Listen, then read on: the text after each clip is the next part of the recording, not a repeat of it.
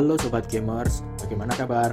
Selamat datang di Trick Games Podcast ya guys Dengan saya Peter Iksan Yang akan ngobrolin soal bagaimana sih kita supaya bijak dalam menggunakan games Agar value kita berkualitas Gimana?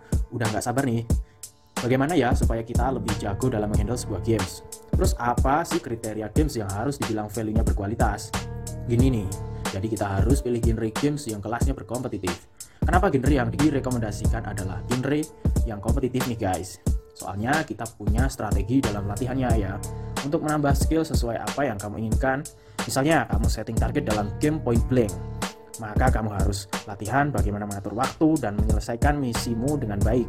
So di situlah kamu akan memiliki nilai yang membangun dalam games yang berkompetitif. Oke, kita cukupkan sampai di sini dulu ya sobat gamers. Terima kasih telah mendengar episode hari ini. Tunggu episode lain dari Trick Games Podcast by Gadio FM. Gadio FM Radionya game dan teknologi